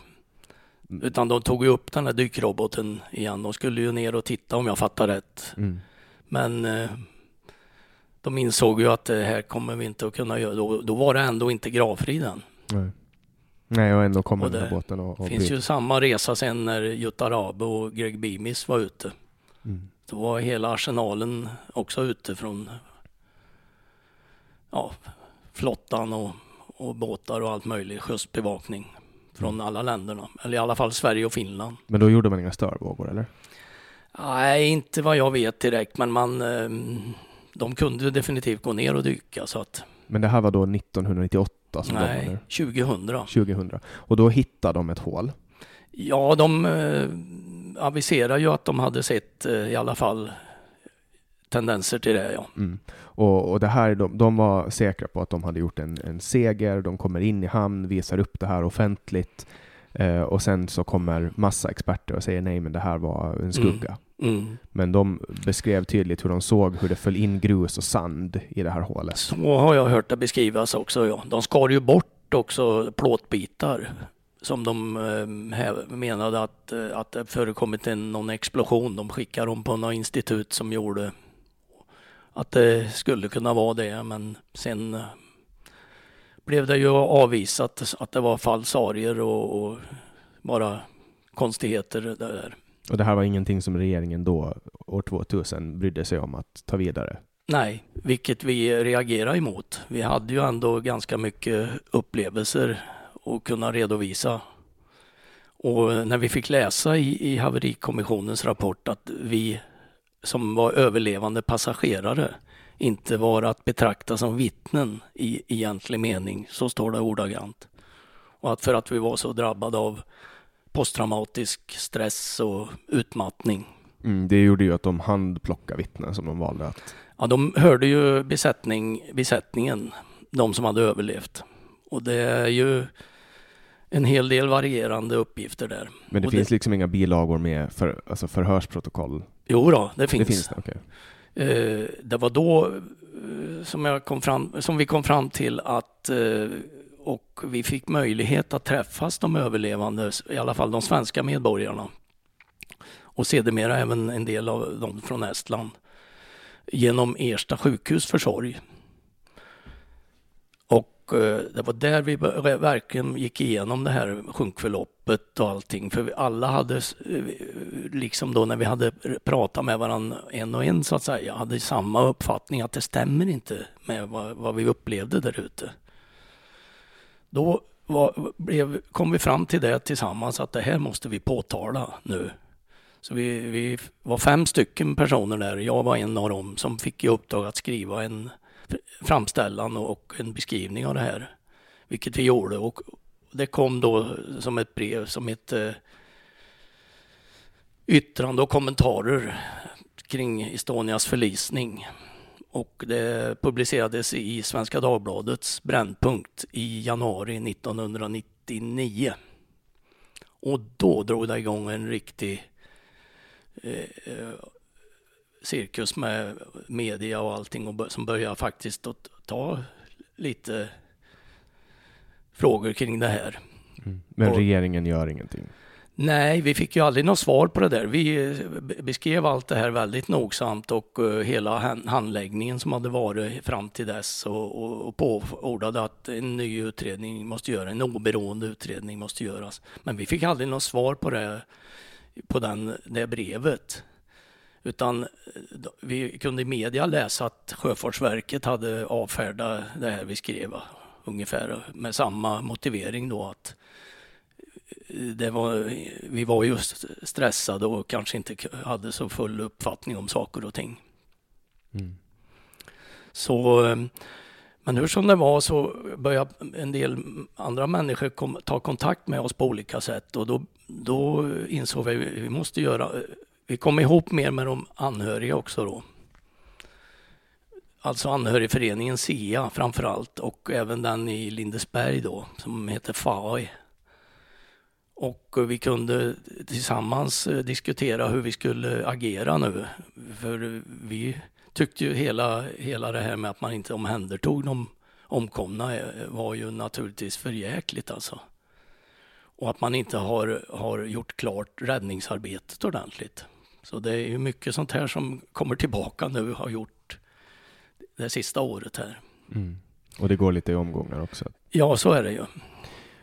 Men hur som helst så, så bildar vi en förening då som heter AGNEF. Och eh, det betyder Arbetsgruppen för utredning av Estonias förlisning. Och vi hade som eh, huvudsakliga syfte att bara titta på händelsen och utredningen i sig. Va? Vi tog inte någon ställning i det här att man skulle omhänderta de omkomna eller ej. Va? Utan vi fick ju, när vi blev en förening och eh, det blev formellt eh, att vi hade en förening så ansökte vi om pengar till eh, regeringen att få få eh, anordna ett seminarium och det tyckte de var en bra idé då för de ville ju hålla sig väl. Det kommer mycket så här med att eh, de anhöriga hade blivit väldigt dåligt bemötta. Men då var man att och även överlevande naturligtvis. Men då, var, då fick vi 500 000 kronor för att ordna det här seminariet. Och det blev en oerhörd respons när vi kom ut med så att säga prospektet till det där och det kom ju människor från hela världen, eller i alla fall Europa. Men eh, bland annat kom ju Greg Beamis, eh, Jutta Rabe, forskare från eh, Holland, England, Skottland, från universitet olika. För de hade ju börjat på att ifrågasätta utredningen med sjunkförloppet just. Att det kan inte ha varit eh, som det som det beskrivs i rapporten, utan om det inte finns en, en, ett hål under, någonstans en, under bildäck så att säga. Mm. Och det här hade då Jutta Rabe kommit fram till redan att? Ja, då, hon, var ju, hon var ju intresserad av det här för hon hade Ja, så hon anmälde sig till det här seminariet också. Och det var under det seminariet som de, Greg Beamis och hon beslutade att de skulle gå ut. Hon ville dyka och han hade pengar och han hade kunskap i så här med dykning och allting. Mm. Och sen då 2004 så framkommer det eh, det är en tulltjänsteman då som går ut och pratar med media, berättar att han under två tillfällen då före Estonias förlisning har varit med och och eh, sett mellan fingrarna när Försvarsmakten har eh, smugglat krigsmateriel som han då beskriver som eh, militär elektronisk utrustning. Precis. Och då tillsätts en eh, enmansutredning. Ja, Man kommer fram till att de datumen som han anger är de enda två gångerna där det har skett militära transporter. det stämmer. Ingenting utöver det. Nej, Ehm, och ingenting på olycksnatten. Det var vad han skrev i sin promemoria som kom efter den utredningen. Mm. Och då är det så här, det, kommer fram uppgifter. Eh, Försvarsmakten har förnekat dem i tio år. Mm. Ehm, men sen då går man ut och så bekräftar man, ja, det skedde eh, militära transporter från ett gammalt Sovjetland på ett civilt fartyg, vilket är förbjudet om jag förstår det rätt. Det borde det ju vara ja. Och Men- det framgår ju också i, i eh, den här dokumentären. Men tydligen var det inte så ovanligt. Man, många kände ju till det där om jag, Mm. att det kunde vara. Jag vet inte. Alltså jag, jag tänker ju spontant att, att utsätta, alltså att göra ett civilt fartyg till ett eh, krigsobjekt, alltså Ja. ett objekt för, så, ur, ur militärt intresse, det är ju det är inte bra. För att det man gör i krig är att man sänker ju fiendefartyg. Då. Är det så som, som man har spekulerat om att det är någonting som här rör ryska missilprogrammet eller det har jag ingen aning om faktiskt. Det, det man ser nu då, om vi kommer fram i det som har kommit fram i den här dokumentären, det är ju att det finns ett hål. mm. Det är ingen tvi, tvivel om det. Mm. Och hålla har ju kommit dit på något sätt. Just det. Och då, då, då kommer ju lite eh, ändå vittnesuppgifter som har funnits om att man har kört ombord lastbilar. Mm. Det såg ju Sara Hed- Hedin. Ja, precis. Hon såg ju Och det finns en, en person till som har sett det från land så att säga, som kom enligt dokumentären här. Mm. Det fanns militärfordon. De, och Försvarsmakten säger att det inte fanns. De, Ja, de det- och förnekar det, men, men Det, det finns vittnen som... Men i, i min värld nu har, har ju, det är ju liksom när man, det här kom ju, kom ju som sagt 2004 som du sa av eh, Uppdrag granskning som ju blev kontaktad av den här tulltjänstemannen och det här eftermälet blev direkt. Sen, sen klingade det av igen. Va? Men nu måste man ju tänka till här. Det här är ju uppgifter som man, eh, åtminstone jag undrar huruvida haverikommissionen kände till det här då, när det hände. Om, om så att säga svenska myndigheter här har undanhållit haverikommissionen de här uppgifterna. Att, det, att eh, försvaret och tullen har, har i, i samråd fraktat militär utrustning på Estonia. För någon har ju sannolikt vet, alltså för jag tänker så här, nu, nu kommer vi, nu måste vi bara varna alla lyssnare att nu kommer, nu kommer foliehatten fram. Eh, så nu, nu, allting som, som jag kommer att säga nu är i alla fall spekulationer. Men, men i Henrik Evertssons eh, dokumentär som heter Estonia, fyndet som förändrade allt då, som man kan se på Dplay.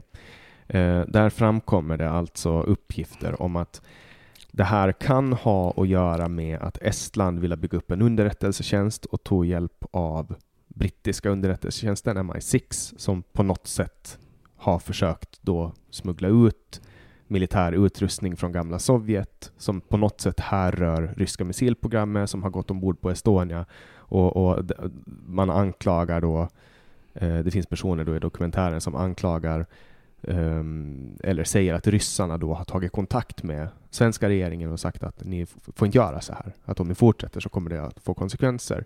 Och sen har då ett hål uppstått i skrovet på eh, Estonia. Och det som är mest eh, uppseendeväckande med det här hålet är ju storleken. Det är fyra meter högt och 1,2 meter brett. Det är väldigt stort det här hålet.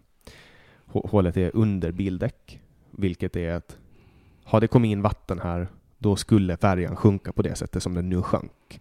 Så att de bitarna, det faller ju på plats, de sakerna. Nu hörde jag, hörde jag rätt här med hålet som du sa, fyra meter Högt. lång, högt ja, Ja. och Och 1,2 meter brett. ja det stämmer ju. Ja. Och då är det ett sånt hål vid vattenlinjen. Då, då bör färjan bete sig som den gjorde när den sjönk. Alltså att den lägger sig på sida.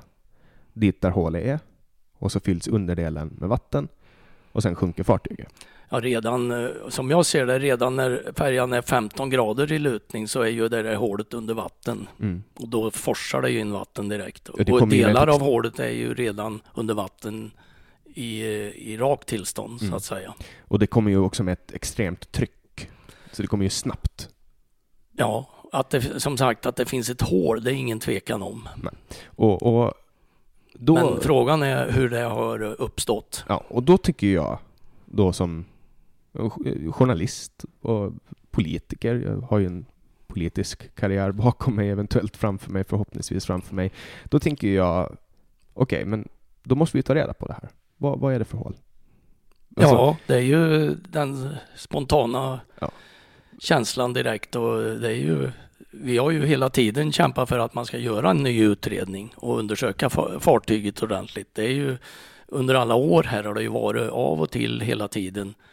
Bland annat med de här, efter de här försöken med att bevisa att eh, visiret föll av. Det gjorde man på Statens skeppsprovningsanstalt under ja, 2007, 2006, 2007 tror jag. Slutrapporten från den är att 2008 tror jag den är daterad.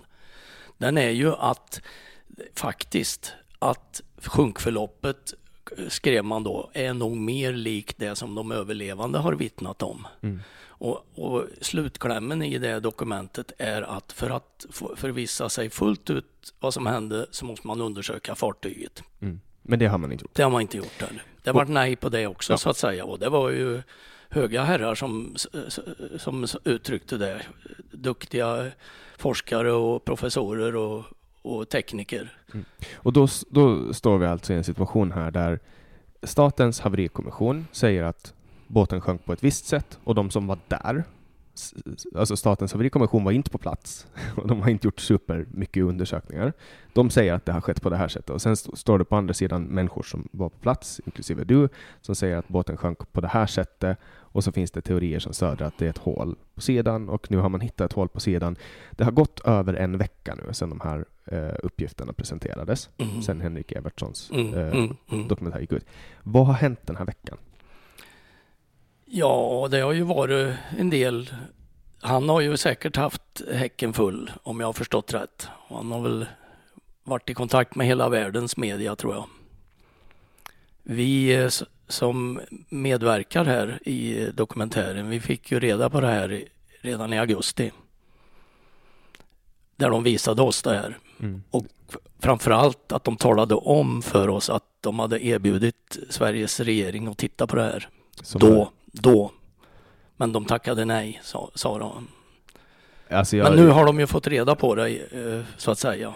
Det, det, här, det här är också, det här är, är vi måste nästan ta, eh, stoppa där och bara, eh, alltså, man, alltså man, man, man dök ner med ett tyst fartyg. Henrik eh, blev åtalad då för brott Mm. mot griftefriden för, att, för att han sänkte Ja, såklart. Och, och han, brö, han, han han är fotojournalist från, från Sverige då, men bor i Norge. Och det är förbjudet för, för svenska, finska, estniska medborgare då, av någon anledning också eh, britter, att dyka. Men, men de hade tyskar med sig. Man hittar det här hålet, då, det var ju, de, var ju, de visste att han har varit där. Mm. Han bjuder alltså in svenska regeringen för att få kolla på det hålet som han har hittat. Mm. Och de tackar nej. Ja, det har de gjort. Det är... Alltså de skickar inte ens en praktikant. Nej, jag vet inte hur turen har gått där, men eh, man blir ju häpen. Ja, jag, jag, De, också det här att, du vet, var det något huvud som fick rulla efter att man, man upptäckte de här militära transporterna 2004? Var det någon som fick sparken? nej, inte vad jag vet. Har någon fått sparken någonstans? Ja, det var ju några som fick gå ifrån haverikommissionen under den tiden de utredde det. Eller en gick sj- självmant för han ville inte skriva under på det och han hette Bengt Schager.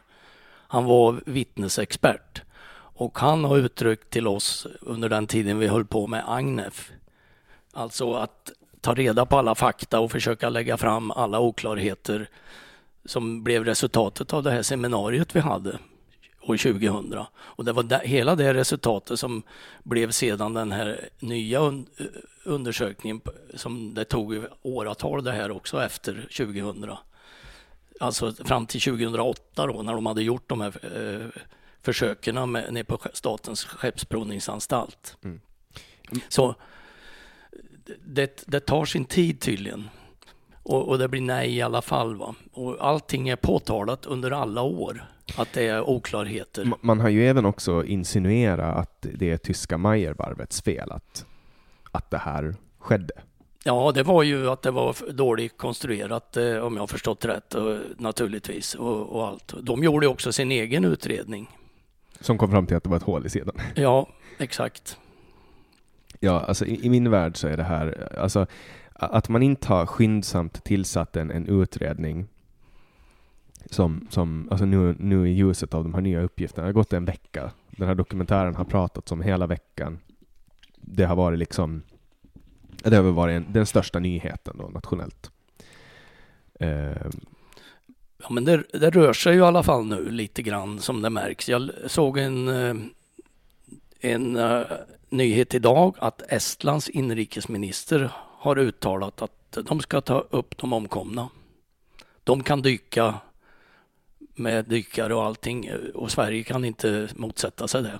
Mm. det, det tyckte jag var skarpa från en inrikesminister. Mm. Men sen är det ju, nu är det ju också, nu har vi ju en socialdemokratisk regering och det var ju en socialdemokratisk regering som instiftade det här, så jag kan tänka mig att, att man håller lite på traditionerna. Jag tror inte att, att Stefan Löfvens regering vill gå och riva upp griftefriden. Nej, det är, väl det, det är väl det här som de har bundit in sig i ett hörn lite grann. Men jag säger så här, man skapar den där lagen så snabbt som, som snyter ur näsan nästan under 95 då. Och det borde kunna gå lika snabbt att ta bort den. Ja. Om de vill vara fri från det. Men nu har ju till och med Caroline Krook uttalat i, i, i P1 i fredags uttalade hon sig att hon har tvivel och underströk verkligen att gravfriden är inget hinder för att eh, undersöka orsakerna till varför båten sjönk. Nej, Nej och det, jag tror att tekniska och miljömässiga eh, undersökningar är tillåtna inom ramen för lagen. Ja, och nu, ser, eh, nu kommer det ju även de här dykarna som uttalar sig. De säger ju precis motsatt mot vad som föredrogs för etiska rådet. Att det var de som skulle bli skadade av, och, ja. och både fysiskt och uh, psykiskt. De förstod ju, de blev ju skadade, påstår de i, i dokumentären då, av att inte få bärga kroppar. Ja. Av att veta ja, att de här kropparna ligger där. Så, och, eh, och sånt är ju anmärkningsvärda uppgifter eh, när man eh, vet hur de höll på, hur de beslutade här i allting. Och det är klart man undrar hur man kunde göra allting så himla bakvänt i alla skeden här. Jag menar bara det första, att avbryta omhändertagandet. Jag har sagt det ett antal gånger nu under det här året och inför 25-årsminnesdagen hur, vem stoppade omhändertagandet? Hur, hur går det till? Jag menar, normalt så om det händer en olycka, jag har tagit några stycken eh, som exempel. Vi har ett flyg, flygplan, en Hercules-maskin som flög in i Kebnekaise för några år sedan, men ett norskt flygplan. Den blir inte bara liggnas upp på fjället. Man tar hem de som omkom och ser till att, att det sker i rätt man utreder vad som hände. Mm. Jag tog ett exempel i veckan. Ja, jag kan ta mer. Du har bussolyckan i Sveg för några år sedan som hände. Man låter ju, den utreds ju också till fullo. Chauffören var till och med ställd inför rätta men frikändes då. Men de omkomna togs om hand. Bussen får inte ligga där i diket och inte de omkomna heller och skotta jord över dem. Mm. Vi har den här flygolyckan nyligen uppe i Umeå för ett, något år sedan. så oerhört tragiskt, så många omkommer på ska upp och hoppa fallskärm då, så går det snett. De blir ju inte heller liggandes ute i skogen. Utan man utreder vad som har hänt, tar hand om de som har omkommit. Och du kan ju tänka dig om Göran Persson tio år senare hade gått upp i talarstolen och sagt att de omkomna i tsunamin ska förbli en massgrav i Thailand. Ja. Tänk dig det. ja. Nej, det, Och det, det, är, det är så allt det här har man gjort så bakvänt. Ja, Om man nu jämför med alla andra händelser. Det som inte gick att göra och som också kom med i det här, att det skulle vara så svårt att identifiera alla omkomna. Det gick att åka ner till Thailand då och ta hem alla, alla som de hittade i alla fall vad jag vet och identifiera dem och få dem hem och begravas.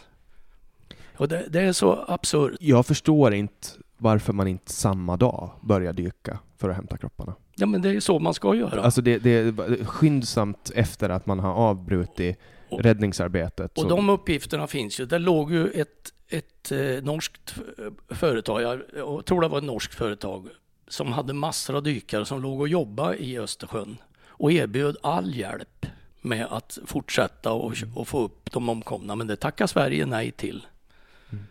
Så att, och allt sånt här är ju faktum och då, där blir man ju vansinnig när man hör nästan. Ja, men det låter ju, man, man, det låter ju nästan som att man, man då inser att det finns någonting som vi behöver dölja.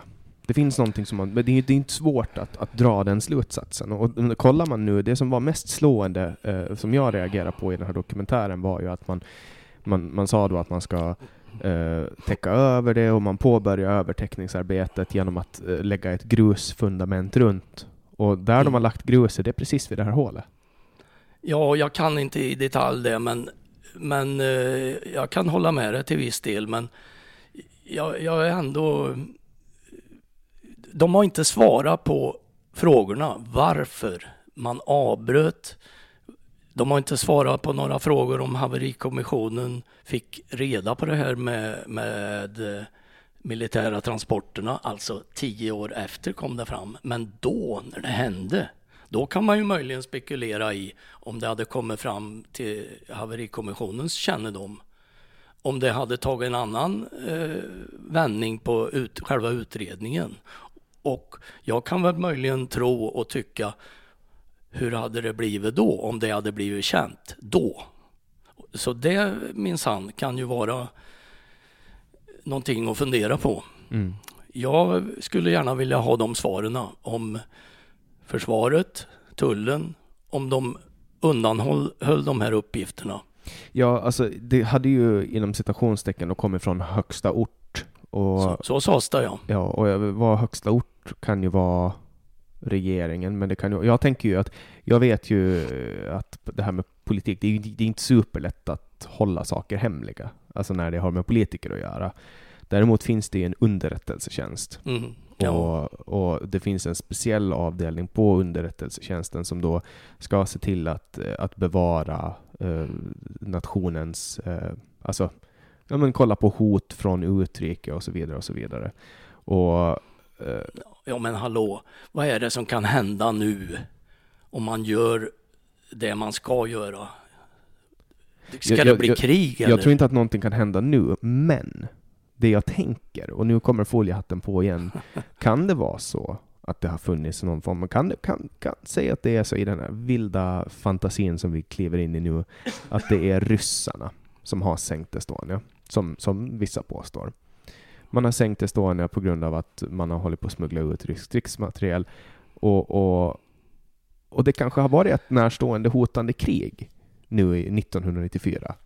Va, va, va, då är det inte ganska rationellt då att man, man kommer överens med ryssarna om att okej, men vi, vi sveper det här under mattan. Och så har man kanske fått hjälp av, av ryssarna. Alltså, det- förstår vad jag menar? Alltså, att- Ja, jag, jag förstår hur du tänker men skulle, skulle det vara så att det är ett krig man har stoppat? Ja. jag, jag, jag föreslår absolut jag, inte jag vill inte tänka i de banorna utan jag, nu när vi vet vad vi vet so, so far Mm. så vill jag i det här läget att nu först gå ner, bekräfta att hålet finns och det ska vara öppet och, och ljust för alla. Och sen menar jag på att om det nu är någon, något föremål, vad det nu kan vara, det måste man ta reda på som har slagit, gjort det här uh, hålet. Det måste man också ta reda på. Och det måste fram, definitivt.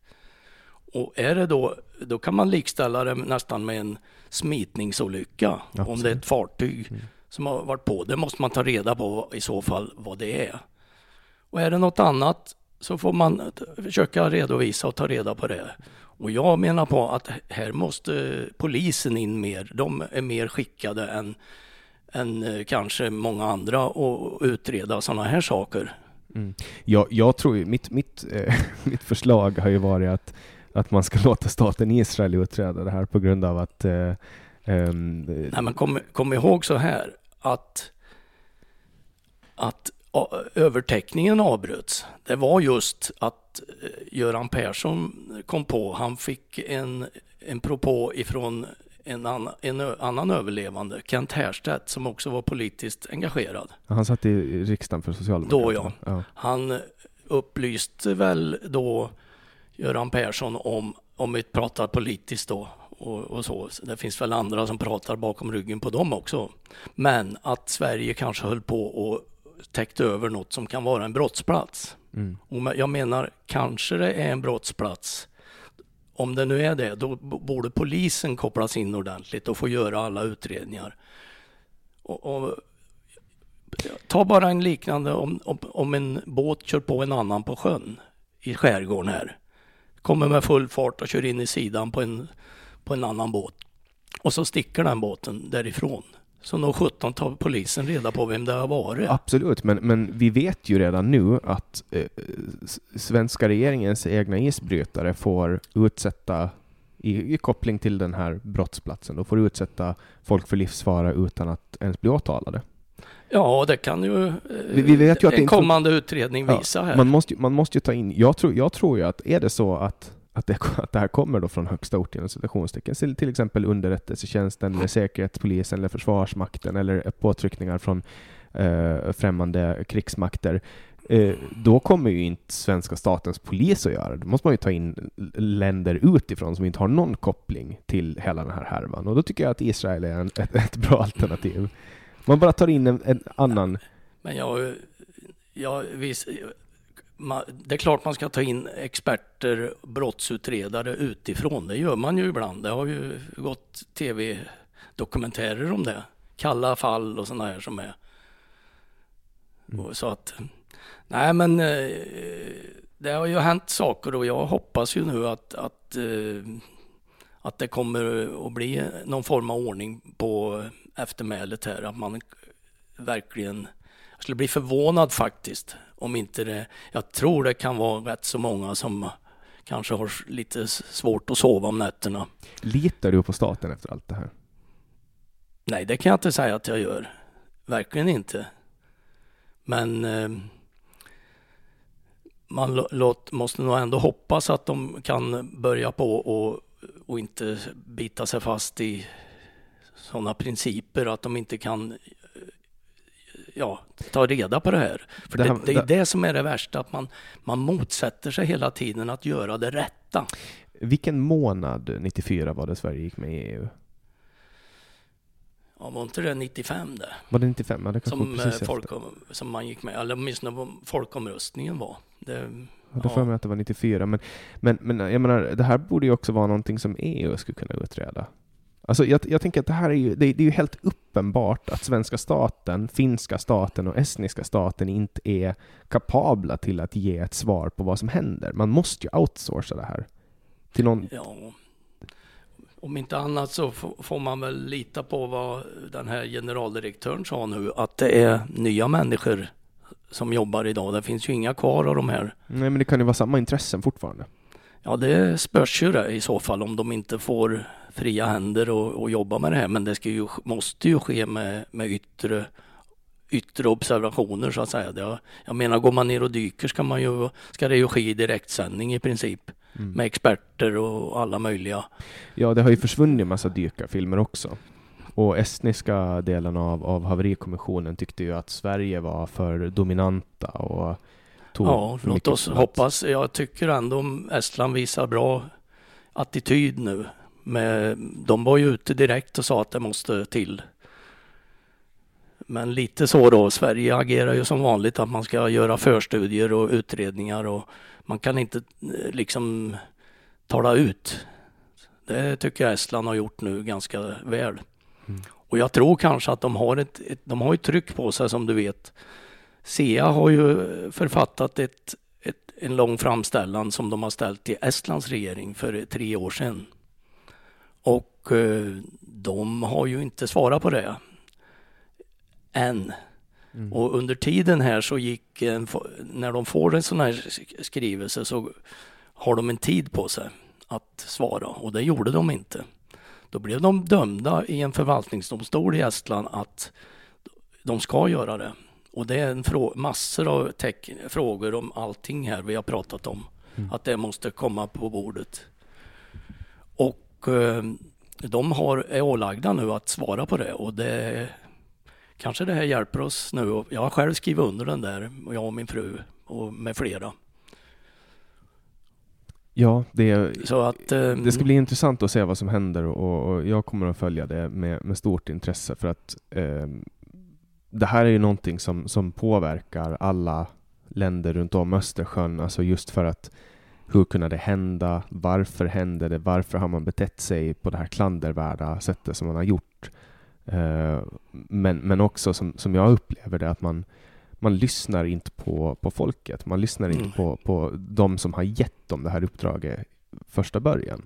Och jag tycker ändå att, att Sverige har en stat som är väl fungerande i förhållande till många andra stater eh, på, på, på, flera olika aspekter. Alltså speciellt när det kommer till byråkrati så har ju Sverige jättehögtravande traditioner av att saker ska gå till rätt och mm. alla ska få sin sak prövad. Exakt. Och...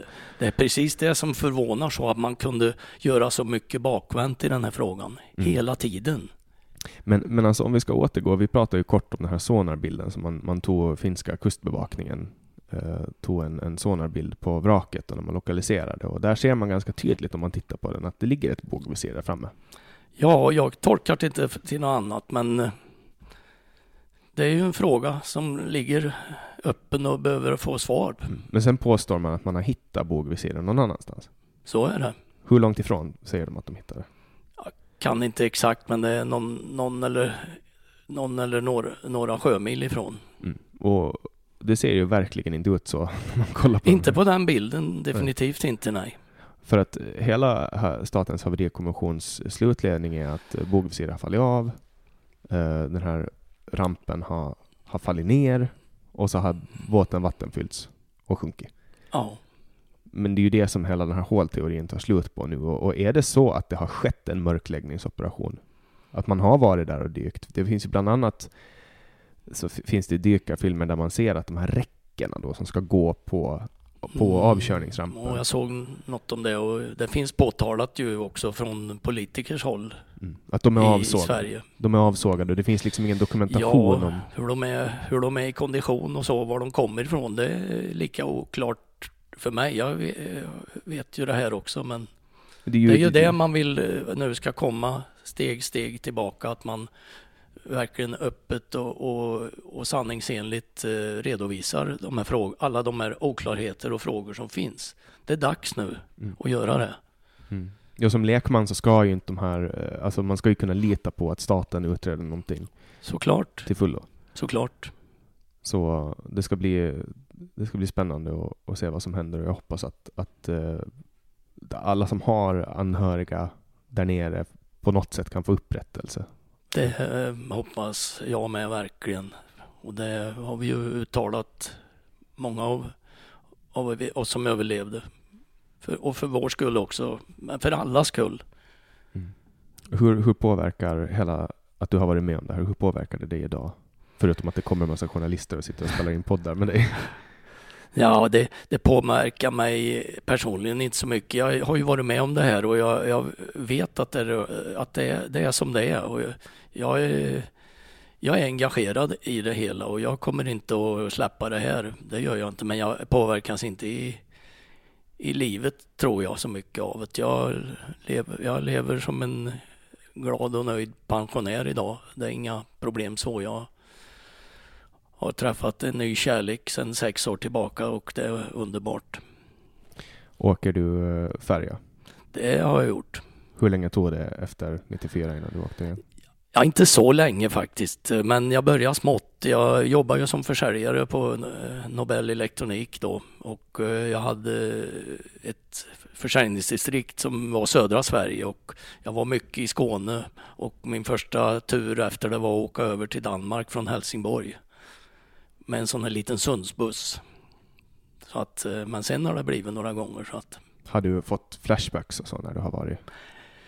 Ja, om jag säger så här, jag har varit på, eh, vi var på en, i, i jobbet faktiskt eh, ett antal år efter. Med, hade det lagts sån här nordiskt säljmöte. Bland, vi hade dotterbolag i Finland, Norge och, och vi träffades då tillsammans och just på Silja Lines fartyg till Helsingfors. Mm. För vårt kontor låg i Helsingfors. Och eh, vi pratade igenom säljstrategier och allting och eh, när vi gick tillbaka från Helsingfors till Stockholm då blåste det rejält alltså. Då kom vi ungefär i de i samma linje första delen ut ur Finska viken och då blåste det rejält och det var inte så trevligt kände jag. Kom det tillbaks liksom? Ja, lite. Jag hade ju eh, innan sagt att jag vill inte ha någon hytt utan fönster. Jag vill bo, ha en hytt ut mot så jag har fönster ut så jag ser. Mm. Men det, det, det small rejält då på, på den båten eh, faktiskt. Det var blåst kull saker och ting. Det, det var inte trevligt, men eh, det går bra. Ja. Jag har en, någon sån där att jag statistiskt kommer inte jag att drabbas igen. Nej. Nej, men det finns, ju, det finns ju folk som har varit med om alltså, bisarra, så folk som blivit träffade av blixten flera gånger. Jo, och sånt. Jo. Folk som har varit med om flygkrascher ja. flera gånger. Och sånt. Det finns sådana som har suttit i tv och skrapat trist två gånger också. Mm. Ja, nej men vi, vi får ju hoppas på att en, en färja inte går, alltså att det aldrig nej, händer igen. Det är, precis. det är en fruktansvärd sak. Men eh, vad känner du nu då? Hur, hur ser du på på din framtid när det kommer till att, att påverka utfallet av det här som händer nu? Kommer du att fortsätta engagera dig? Har, det här gett dig nya krafter eller den här ja. dokumentären? Ja, jag har nog aldrig direkt tappat kraften, men nu, nu kommer det ju upp nya saker som man eh, kan påtala som man eh, egentligen som ett faktum nu. Så att eh, jag kommer inte att dra mig för att säga vad jag vet och vad jag tycker. Mm. Det var ju ett väldigt känsloladdat eh, klipp som man får se i slutet på dokumentären när ni får se första gången det här hålet. Mm. Eh, det blev nästan att, att, att man rycktes med och, och liksom blev lite, fick lite tårar i ögonen. Eh, vad kände du när du satt där och såg det här hålet? Ja, vi, vi var ju väldigt eh, ja, gapande.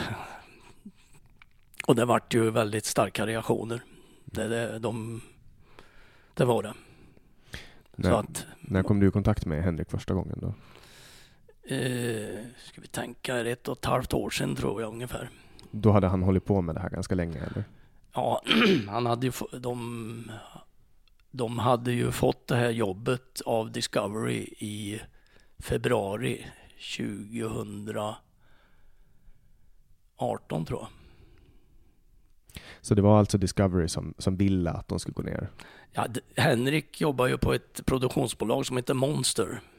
Och eh, Henrik har haft det här och eh, hans eh, kollega där som heter Bendik. De hade en idé att de med Henriks då djupa grävande i det här i 15 år. Han hade gjort ett, ett koncept som de resonerade igenom och så presenterade de det för för, för, sin egen ledning naturligtvis. Och sen fick de ju dra det inför, inför Norges Discovery-avdelning så att säga. Och eh, där har jag fått berättat av Henrik. Mm. Jag, hoppas att han, jag hoppas att de vinner stora journalistpriser för, ja. för det var verkligen en... Men så eh, chefen där, han, ja det här ska vi titta, han sa ganska snabbt om jag fattar rätt att det här ska vi titta på. Så tog det bara liten tid så blev de kallade till ett möte med alla cheferna i Norden. Och då fick de uppdraget. Och då, då fick en budget för det, för, för, förmodligen då. Mm. Ja, jag, jag, tycker att alla, alla som hör det här eh, kolla in det här för det är verkligen Ja, det vill jag också gärna understryka och, haka på. Och titta på dokumentären. Är det någonting vi har missat nu? Som du känner att vi behöver prata om? Det har vi säkert, men eh, jag tror vi har kommit väldigt eh, bra fram till lite slutkläm på. Mm.